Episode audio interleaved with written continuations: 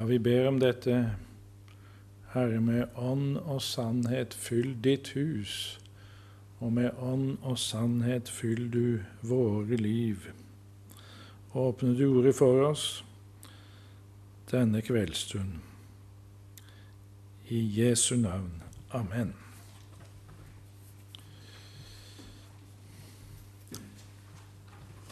Vi er kommet til eh, avslutningen av gjennomgåelsen av bergprekenen. Og vi gjør det der slik, av hensyn til opptaket, at eh, spørsmål og kommentarer tar vi etter eh, gjennomgåelsen, eller forelesningen, eh, som jo blir i to omganger etter planen. da. som overskrift over kapittel 7, da vi delte da jeg delte Bergprekenen inn med tanke på gjennomgåelse fire kvelder, så satte jeg to veier.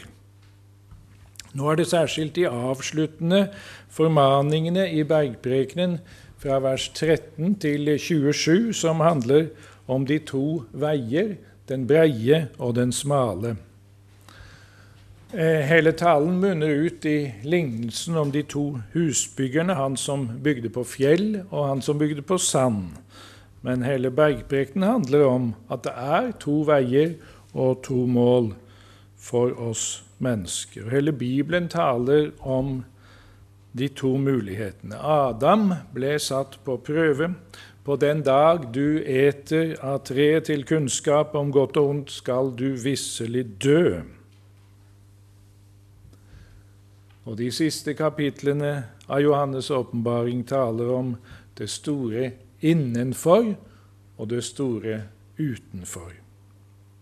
Dommen har sin grunn i vantro og synd, men frelsen har sin grunn i Guds kjærlighet og nåde. Den som vil, han ta livsens vann uforskyldt, heter det på Bibelens siste blad.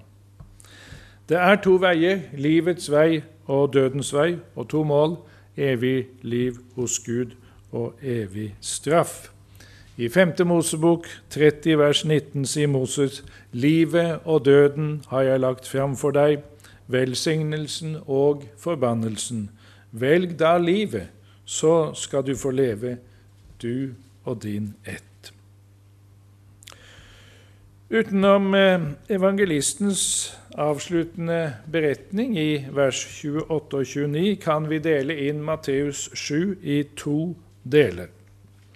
Vers 1-12 avslutter hovedavsnittet om den rettferdighet som overgår de skriftlærdes og fariseernes. Hovedavsnittet altså fra 5.17 til 7.12. Det handler om nestekjærlighet, alt det dere vil at menneskene skal gjøre mot dere. Kapittel 7, vers 12. Og det handler òg om forholdet til Gud. Så har vi da i kapittel 7, vers 13 til 27, med avsluttende formaninger. Gå inn gjennom den trange port. Det er altså to veier det er to porter, og det er to veier, den breie og den smale. Den breie fører til fortapelsen, den smale fører til livet. Kristendom viser seg som motkultur, til forskjell fra livet på den breie vei, hvor så mange går. Men å dømme om hvem som i virkeligheten er på den rette veien, det er Guds egen sak. De fem første vers er en advarsel mot forhastede konklusjoner. Og de sier oss at bare dersom vi prøver oss sjøl i lys av Guds ord, har vi det rette utgangspunktet for å hjelpe vår neste. Ennå er vi underveis, og det er ikke om å gjøre å dømme, men det er om å gjøre å hjelpe. Vers 1-5. Døm ikke for at dere ikke skal bli dømt. For med den samme dom som dere dømmer med, skal dere dømmes. Og med det samme mål som dere måler med, skal dere bli tilmålt. Hvorfor ser du flisen i din brors øye, men bjelken i ditt eget øye blir du ikke var? Eller hvordan kan du si til din bror, la meg dra flisen ut av øyet ditt, og se, det er en bjelke i ditt eget øye. Du hykler, dra først bjelken ut av ditt eget øye, så kan du se og dra flisen ut av din brors øye.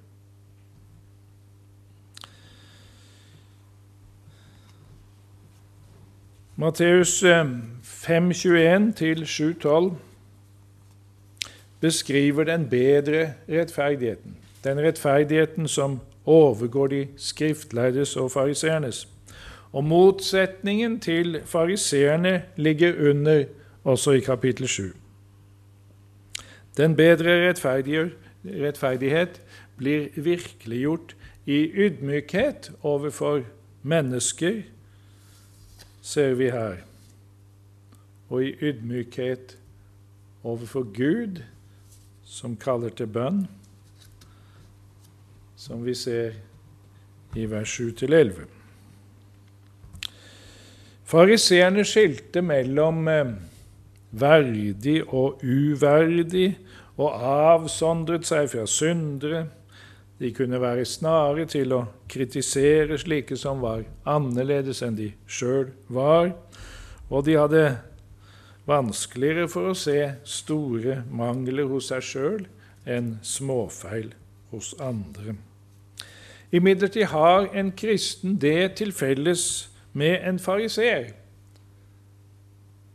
at han bekjenner seg til en alvorlig etisk forpliktelse. Men da må ikke Jesu disipler falle i hykleriets grøft som fariseerne. Vi ser at Jesus sørger for å bygge en advarsel mot dømmesjuke og hykleri inn i den grunnleggende etiske undervisningen av disiplene. Døm ikke for at dere ikke skal bli dømt, for med den samme dom som dere dømmer med, skal dere dømmes, og med det samme mål som dere måler med, skal dere bli tilmålt. Døm ikke din neste etter den strenge rettferdighets målestokk, for at du ikke sjøl skal bli dømt på den ytterste dag etter samme målestokk. På den ytterste dag gjelder enten nåde eller strenghet.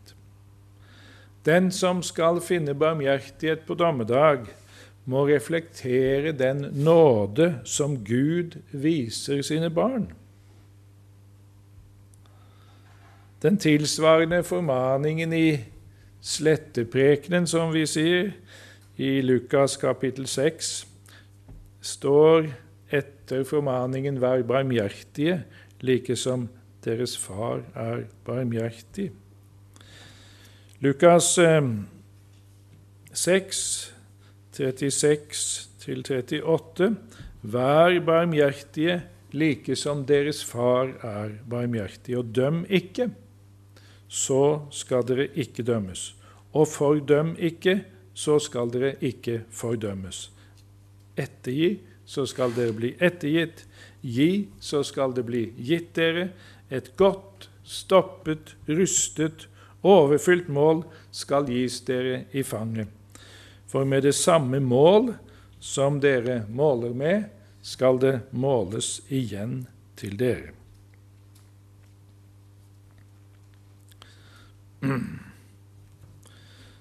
Tanken eh, om eh, å bli dømt slik en dømmer, og bli tilmålt med det mål en bruker, svarer for så vidt også til eh, det Jesus sier i saligprisningene, salig er de barmhjertige, for de skal finne barmhjertighet, kapittel 5, vers 7.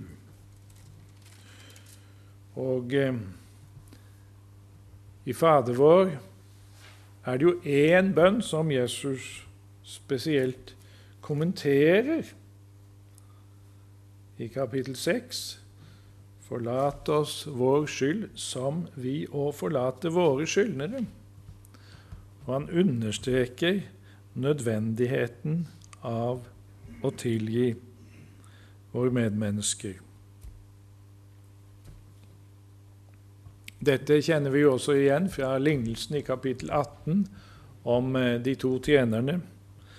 Han som fikk ettergitt de 10 000 talenter, men eh, var så ubarmhjertig mot sin medtjener, som skyldte han en beskjeden sum, at han mistet ettergivelsen, for å si det sånn.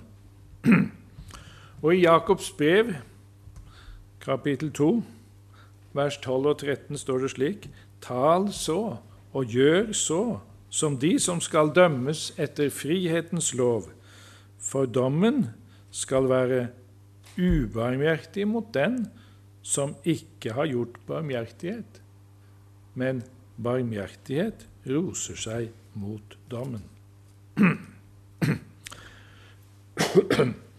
Første Klemens brev regnes for å være fra Klemens, biskop i Roma, til menigheten i Korint i år 96. Jeg tilhører den skriftgruppa som gjerne kalles for de apostoliske fedre. En eh, nokså eiendommelig betegnelse, men eh, det er altså av disse tidlige etterapostoliske skriftene. I første Klemens brev, kapittel 13, minner Klemens om denne sak. Slik som dere dømmer, skal dere bli dømt, står det. Og dette synger Elias Blix om. Som du dømer, fær du dom. Høyr det ord, og lat deg vara. Som i skogen atterjom vil med dine ord deg svara. Så deg Jesus lærer her, som du dømer, dom du fær. Døm ikke for at dere ikke skal bli dømt det er ikke et ord mot rettsvesenet. Det er heller ikke et ord mot prekestolen, som er bygd for at både Guds dømmende og Guds oppreisende ord skal lyde. Det er heller ikke et ord mot kirketukten, men det er et ord mot den dømmende og kritiske innstillingen som er uten ekte kjærlighet og bare konsentrerer seg om feil hos andre. Det kan også være et ord mot bruk av subjektive eller vilkårlige moralske normer og forhastede konklusjoner. Tenk på hva Paulus sier i eh, Romerne 14. Vi kan slå opp der i Romerne 14. 14 og se på vers 4. Hvem er du som dømmer en fremmeds venn? Han står eller faller for sin egen herre. Dog han skal bli stående, for Herren er mektig til å holde ham oppe. Eller eh, det han skriver i første Korinterbrev, kapittel 4 vers 5. Døm derfor ikke noe før tiden, før Herren kommer, Han som også skal føre fram for lyset det som har vært skjult i mørket, og åpenbare hjertenes råd, og da skal enhver få sin ros av Gud. Første Korinter 4-5. Det er bare Gud som har den fulle oversikten. Eh, og vi mennesker kan så lett komme til å trekke forhastede konklusjoner. Eh, vi kunne vise til flere steder i Skriften. Ord som ligner på dette, finnes også i jødedommen. F.eks. skal den kjente rabbineren Hillel ha sagt Døm ikke din felle før du er kommet i hans stilling. Du vet altså ikke hvordan det er å være han. Hvorfor ser du flisen i din brors øye, men bjelken i ditt eget øye blir du ikke var? spør Jesus.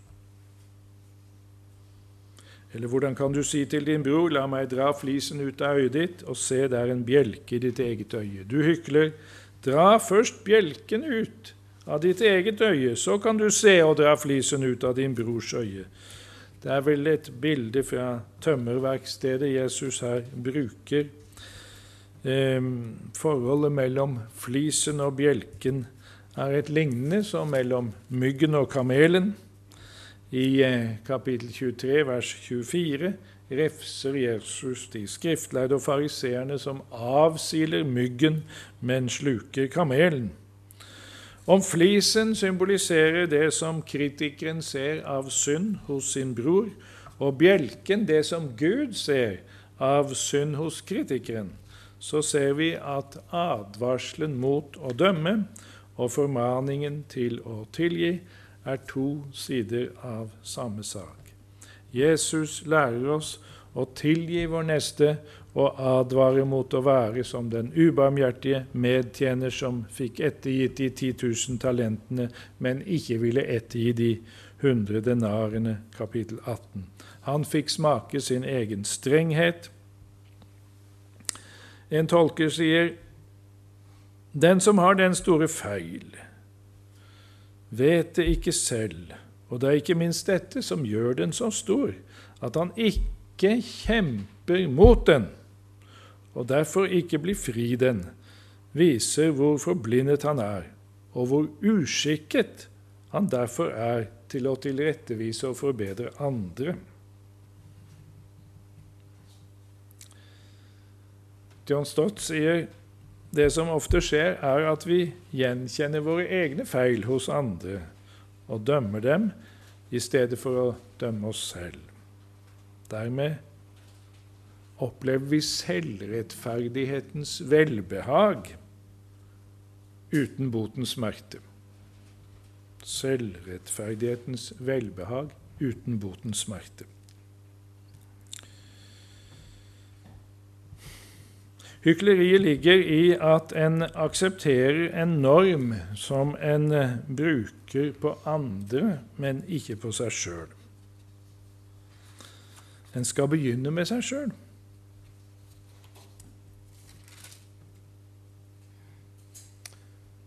Dra først bjelken ut av ditt eget øye. Gjør en det, så kan en se det greske ordet som er brukt der, kan vi i grunnen eh, gjengi med å se nøye og klart. Da kan du se nøye og klart og dra flisa ut av din brors øye. Men om vi ikke tukter oss sjøl, kan vi heller ikke tukte andre. Den som ikke lever i sjølerkjennelse og oppgjør, har ikke mye han skulle ha sagt. Ja, han kan nok ha mye på hjertet, han kan også ha mye rett, men han går ikke rett fram. En kjærlighetsløs og kjølig kritikk er farlig. Med den kan en legge byrder på andre istedenfor å bære deres byrder.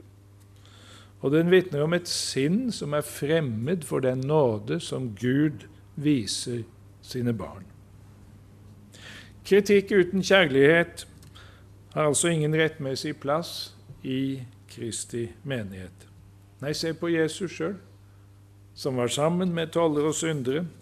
Han aksepterte ikke uretten, men han overvant den. Ikke med hard og kald kritikk, men med kjærlighetens vilje til samfunn og vennskap. Kjærlighet uten kritikk av synd og vranglære er like ubibelsk som kritikk uten kjærlighet. Advarselen mot dømmesyke betyr ikke at vi skal godta alt. I vers 6 lærer jo Jesus en kritisk holdning til eh, slike som kalles hunder og svin. Og Seinere i kapittelet blir vi formant til å avsløre falske profeter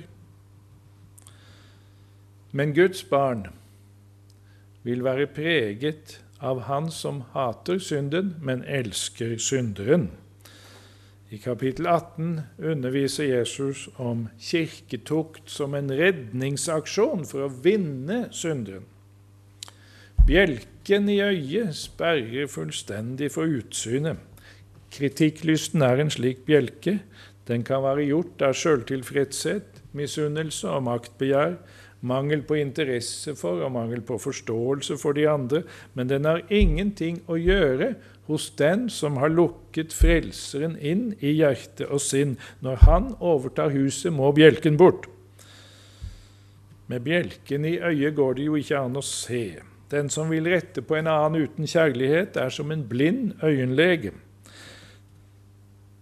Tilsvarende ord i eh, Lukas 6 kommer jo ikke lenge etter spørsmålet om en blind kan lede en blind. Med bjelken i øyet kan en så lett gjøre vondt verre. Og den dømmesjuke holdningen avslører ens eget kjærlighetsløse hjerte.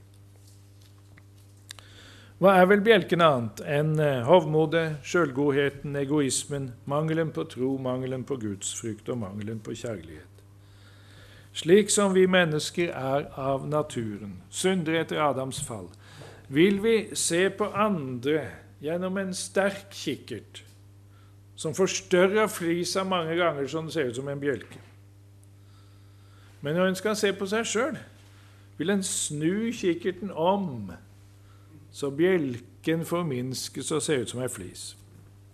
Slik kan en leve i sjølbedrag, men hos Gud må en velge mellom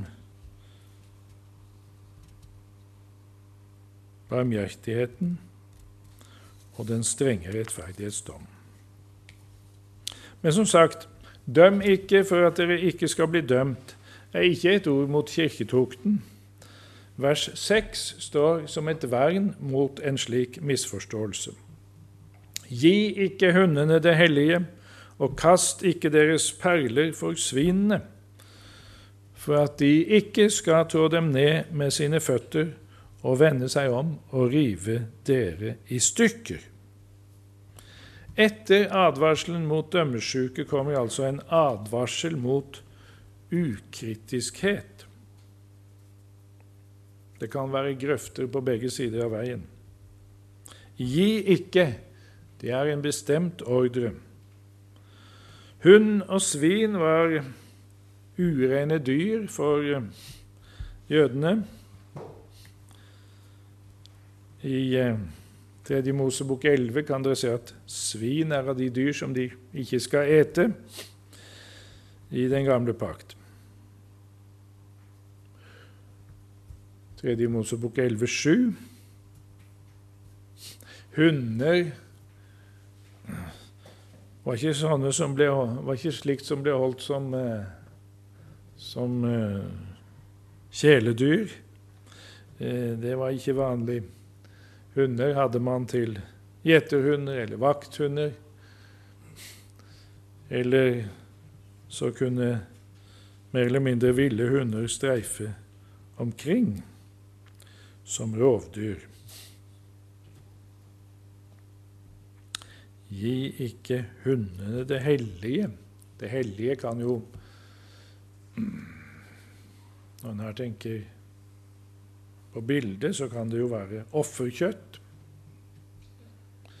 En rabbinsk forskrift sier en får ikke utløse hellig, altså kjøtt, for å la hundene ete det. I Moseloven er det bestemte regler for hvem som kan ete offerkjøtt, og annen mat som israelittene gir til Herren. Det er prestene og deres husstand som kan ete av det etter nærmere regler. Det kan vi lese om i 2. Mosebok kapittel 29, 3. Mosebok kapittel 22, 4. Mosebok kapittel 18. Ja, jeg gjentar hvis dere vil notere 2. Mosebok 29, 32-34, 3. Mosebok 22 1-16, og Fjerde Mosebok 18, 8-19. Men her brukes hunder som bilde på folk, og det er ikke enestående i Skriften. Um, det er tale om å være en død hund i 2. Samuels bok.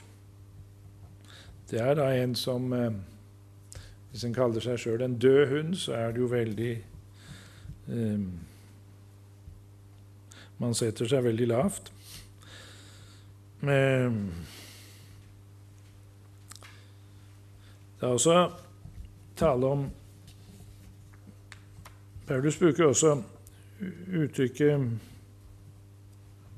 hundene som en skal eh, se opp for i Filipperne 3,2, hvor det tydelig er tale om folk som farer med falsk lære. Så er det tale om hundene som er utestengt fra det nye Jerusalem i Åpenbaringen 22.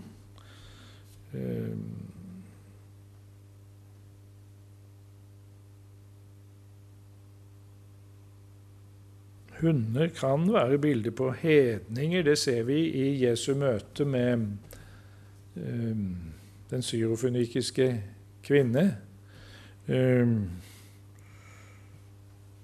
det er ikke rett å ta brødet fra barna og kaste det for de små hunder, sier Jesus.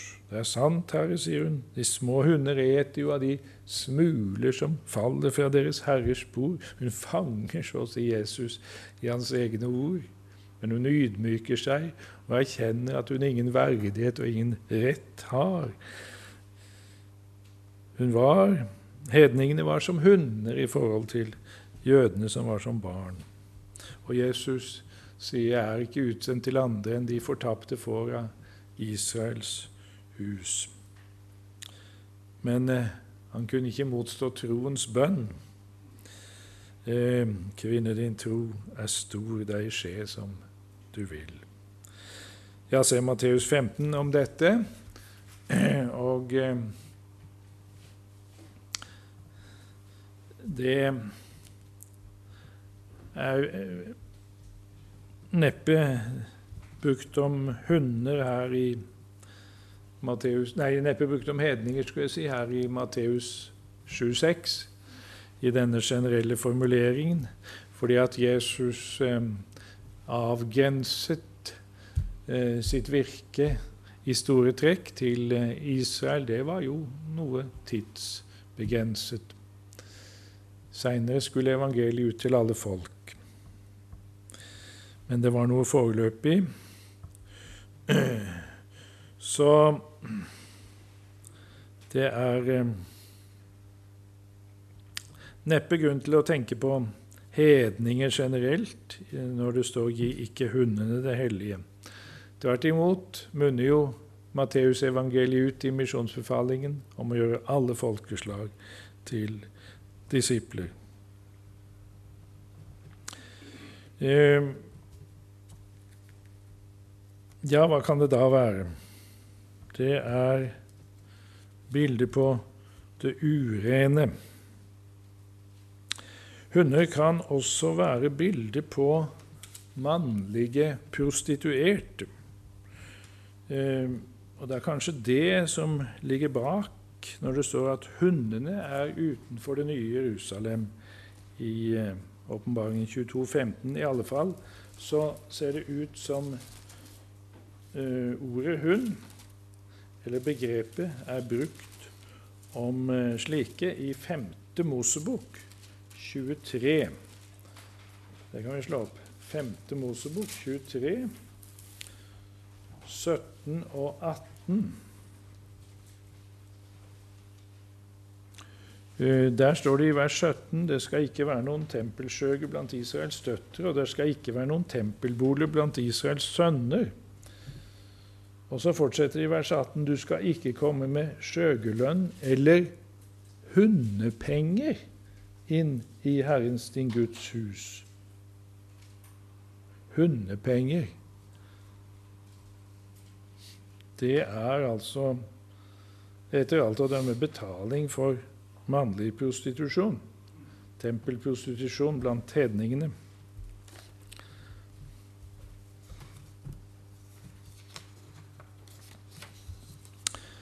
Eh, gi ikke hundene det hellige, og kast ikke deres perler for svin. Perler kan ligne mat som gis til svin, så som erter og eikenøtter men svin har ikke sans for perler. Kanskje vil de tråkke dem ned, kanskje vil de bli rasende fordi de ikke er spiselige, og gå til angrep på giveren. Eh,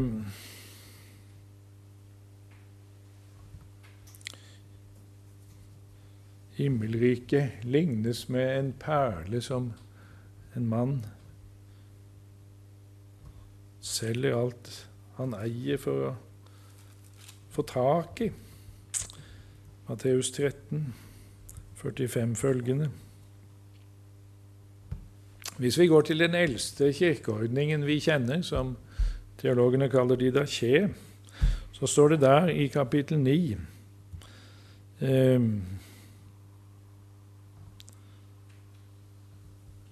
at dette ordet er Jesus. Det har relevans for nattverden. Altså det anvendes på nattverden. Den er ikke for de udøpte. Det står 'la ingen ete eller drikke av deres nattverd unntatt de som er døpt til Herrens navn'. For også med henblikk på dette er det Herren har sagt, 'gi ikke hundene det hellige'. Det synes som eh, meningen er at dette kan ha anvendelse på flere måter, men også på denne måten, altså. Gi ikke hundene det hellige. Jesus krever et vakthold rundt det hellige. Det er naturlig å se det i lys av kapittel 13. Ja, vi kan ta, med, vi kan ta kapittel 10 først. Matteus 10. Se fra vers 11. Og hvor dere kommer inn i en by eller landsby, der skal dere spørre etter hvem som er det verd i den by, og bli hos han til dere drar bort derfra. Og når dere kommer inn i et hus, da skal dere hilse det, og dersom huset er det verd, da kommer deres fred over det, men dersom det ikke er det verd, da vender deres fred tilbake til dere. Og om noen ikke tar imot dere og ikke hører på deres ord, da gå ut av det hus eller den by og ryst støvet av deres føtter. Sannelig sier jeg dere, det skal gå Sodomas og Gomorras land tåligere på dommens dag enn den by. Eh, vi kan også se på kapittel 13, også der fra vers 11. Disiplene har spurt hvorfor Jesus taler i lignelser. Han svarte og sa til dem, fordi dere er det gitt å få vite himmelens rikes hemmeligheter, men dem er det ikke gitt. For den som har, ham skal gis, og han skal ha overflod, men den som ikke har, fra ham skal endog tas det han har. Derfor taler jeg til dem i lignelse, fordi de ser, og dog ikke ser, og fordi de hører, og dog ikke hører og ikke forstår. Og på dem oppfylles Jesajas spådom, som sier:" Dere skal høre og høre og ikke forstå, og se og se og ikke skjelne, osv. Så, videre. så det er noe som er for de som åpner seg for budskapet. Og så er det andre som stenger og ikke kan få del i det. Jesus var taus overfor en nysgjerrig Herodes Antipas da han ble ført fram for han, Lukas 23. Paulus måtte bryte med vantro jøder i det pisidiske Antiokia, leser vi apostelgjerningene 13, 46. Likeså i Korint, apostelgjerningene 18, 5 følgende og i Efesos, apostelgjerningene 19, 8 og 9. Og de står imot. Står de imot, spotter de, eh, kommer inn i en sånn forherdelsesprosess, så trekker apostelen seg og disiplene unna. Gi ikke hundene det hellige, og kast ikke deres perler for svin. Vers 7-11.: Be, og det skal bli gitt dere. Let, og dere skal finne. Bank på, og det skal bli lukket opp for dere. For hver den som ber, får, og den som leter, finner, og den som banker på, skal det bli lukket opp for. Eller hvilket menneske iblant dere er det vel som vil gi sønnen sin en stein når han ber om brød, eller vil gi ham en orm når han ber om en fisk? Dersom da dere, som er onde, vet å gi deres barn gode gaver, hvor mye mer skal da deres Far i himmelen gi gode gaver til dem som ber ham?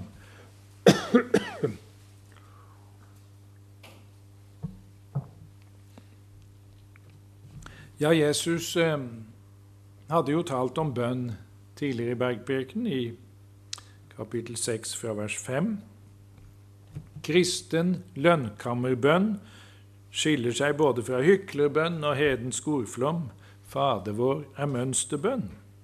Den lærer oss at vi skal søke Gud og Hans rike først, og den lærer oss, som vi har vært inne på, at vi skal tilgi vår neste. Be Let, bank på. Be, leite og banke på står parallelt, kanskje synonymt, eller kanskje antyder også en stigning. Et barn ber sine foreldre som barnet ser, ikke sant? Hvis eh, barnet ikke finner foreldrene, så begynner det å leite. Og hvis de er bak en lukket dør, så banker barnet kanskje på. Det er kanskje en økende intensitet i dette, hvis ikke det skal bare tas som synonyme uttrykk. Å be til Gud er å søke Han eller går videre i søken etter Han. Og eh, kanskje det er enda mer intenst i det bildet de talte å banke på. I hvert fall verbene lete og finne kan lede tanken i retning av kapittel 6, vers 33. Søk først Guds rike. Og kapittel 7, vers 14 om å finne eh, den trange porten og den smale veien. Og når Jesus da i disse versene vi leste, forsikrer om bønnhørelse, så handler det om eh, bønnen etter Guds vilje, bønnen i Jesu navn, bønnen med Fader vår som mønster. For slik har han jo nettopp lært disiplene å be. Og det er først og fremst en bønn om åndelige goder. Så ser vi også på et parallelt sted i Lukas 11 at eh, Jesus lover at den som ber om Den hellige ånd, skal få ham.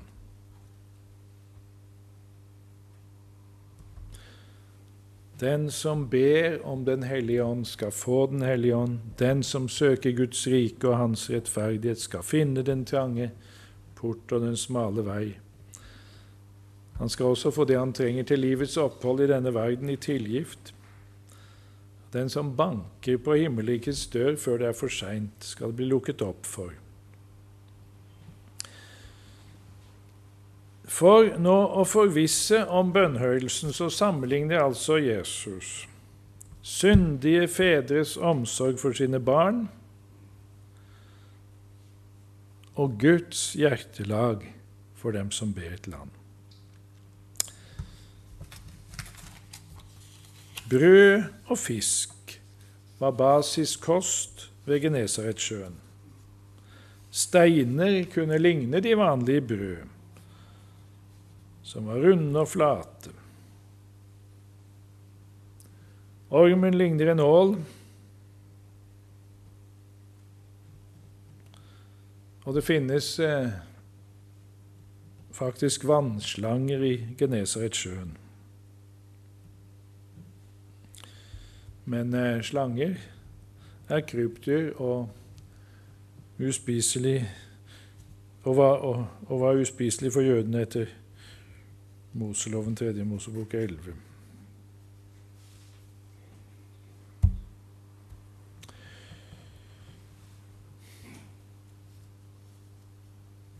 Det nytter å be til en kjærlig far, framholder Jesus.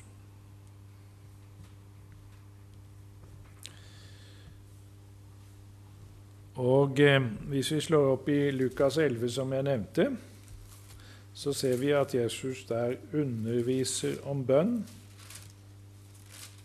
også der.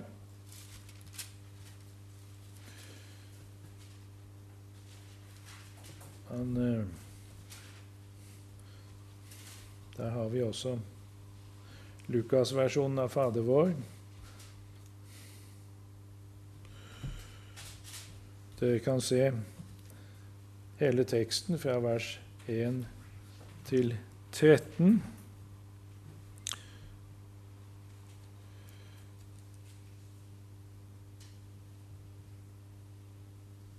Og der munner det altså ut i eh, Dersom da dere som er onde, vet å gi deres barn gode gaver, hvor mye mer skal da Faderen som er i himmelen, gi dem Den hellige ånd, som ber ham?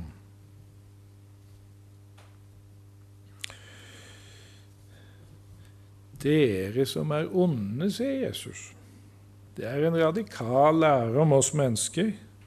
Selv om det er innbyrdes forskjell mellom mennesker, så noen i det horisontale perspektivet, om vi så skal si, er onde og andre gode. Det står jo i Matteus 5,45 at Gud lar sin sol gå opp over onde og gode. Og i lignelsen om kongesønnens bryllup i kapittel 22, vers 10, så er det tale om å innbe både gode og onde til bryllupet. Så i det horisontale perspektivet, mellommenneskelige, kan vi si det er noen onde, noen gode. Men eh, Samtidig altså er det en motsetning mellom Gud, som er den ene som i egentlig forstand er god, og vi, som av naturen er onde. Denne radikale læren om mennesket svarer helt ut til Paulus' radikale lære om det syndige kjødet. Se Tenk på Romerne 3 eller 7. Og dette er fremmed i jødedommen. I Matteus 7,12 er den såkalte gylne regel om å gjøre mot andre det du vil at andre skal gjøre mot deg, knyttet til det foregående med et 'derfor' derfor det dere vil at andre skal gjøre mot dere. Alt det dere vil at menneskene skal gjøre mot dere, det skal også dere gjøre mot dem. Hva ligger det i dette 'derfor'?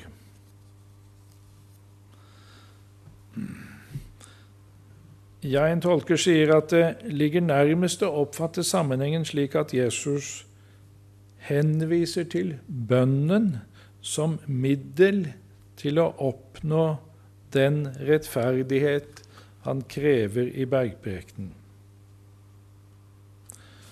Og at det er riktig, framgår av at vers 12 ved sitt 'derfor' setter den sanne lovoppfyllelse som en virkning av bønnen. Skjønner dere det? Når Jesus her taler om bønn, så tenker han på bønnen som middel til å oppnå den rettferdighet som langt overgår de skriftlærdes og fariseernes. Og fordi en kristen i bønnen har den mulighet, så kommer dette derfor. Derfor kan og skal dere gjøre mot menneskene alt det dere vil at de skal gjøre mot det.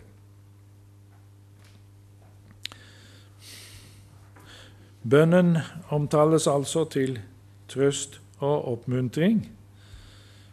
Fordi, sier denne tolker, de sterke krav Jesus har framsatt i bergprekenen, måtte framkalle det spørsmål hos tilhørerne hvordan skulle de få evne og kraft til å oppfylle dem. Og Jeg tror det synspunktet har mye for seg. Kristendom, eller vi kan si den rettferdighet som langt overgår de skriftlærdes og fariseernes rettferdighet, står ikke i menneskemakt, men en kristen har kontakt med Gud, som har all makt. Mot avslutningen av hovedavsnittet om den rettferdighet som overgår de skriftlærdes og fariseernes, peker Jesus på bønnen og løftet om bønnhørelse. Og på parallellstedet, som vi har understreket i Lukas 11, lover Jesus at Faderen vil gi Den hellige ånd til dem som ber ham. Lukas 11, 13, Og vi vet at Den hellige ånd virker tro og frukt av troen. Har dere tenkt på rekkefølgen i katekisme? Fader vår kommer etter de ti bud og de tre trosartiklene. Når Luther i Den store katekisme kommer til Fader vår, så skriver han i innledningen Nå har vi hørt hva vi skal tro og gjøre, og dette er det beste og saligste liv. Nå følger det tredje stykket, nemlig hvordan en skal be. Vi mennesker kan ikke, holde, kan ikke holde de ti bud fullkomment selv om vi har begynt å tro. Dessuten setter djevelen seg imot av alle krefter sammen med verden og vårt eget kjød. Derfor er ingenting mer nødvendig enn at vi alltid ligger Gud i øret og roper og ber at Han vil gi, holde oppe og øke vår tro og vår lydighet mot de ti bud og ta bort alt som ligger i veien og hindrer oss i alt dette, sier Luther. Når løftet om bønnhørelse er ubetinget, så forutsetter det at det er bønn etter Guds vilje. Slik som barn som ber om brød og fisk, ber etter sin jordiske fars vilje. Det er tale om å be om gode gaver. Jesus tenker på åndelige gaver, eller først og fremst åndelige gaver, sjøl om det ikke utelukker at Gud hører bønn om timelige ting også. I selveste Fader vår ber vi om det daglige brød. Og i kapittel 24 sier Jesus i vers 20.: Be at deres flukt ikke må skje om vinteren eller på sabbaten.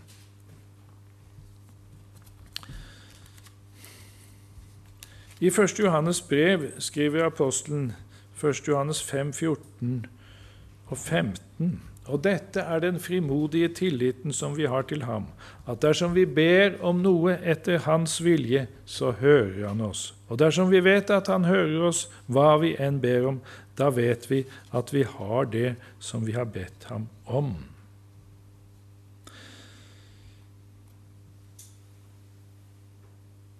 Den frimodige tilliten er den som sanne kristne kan ha, som tror på Guds sønn og elsker hverandre 1. Johannes 3.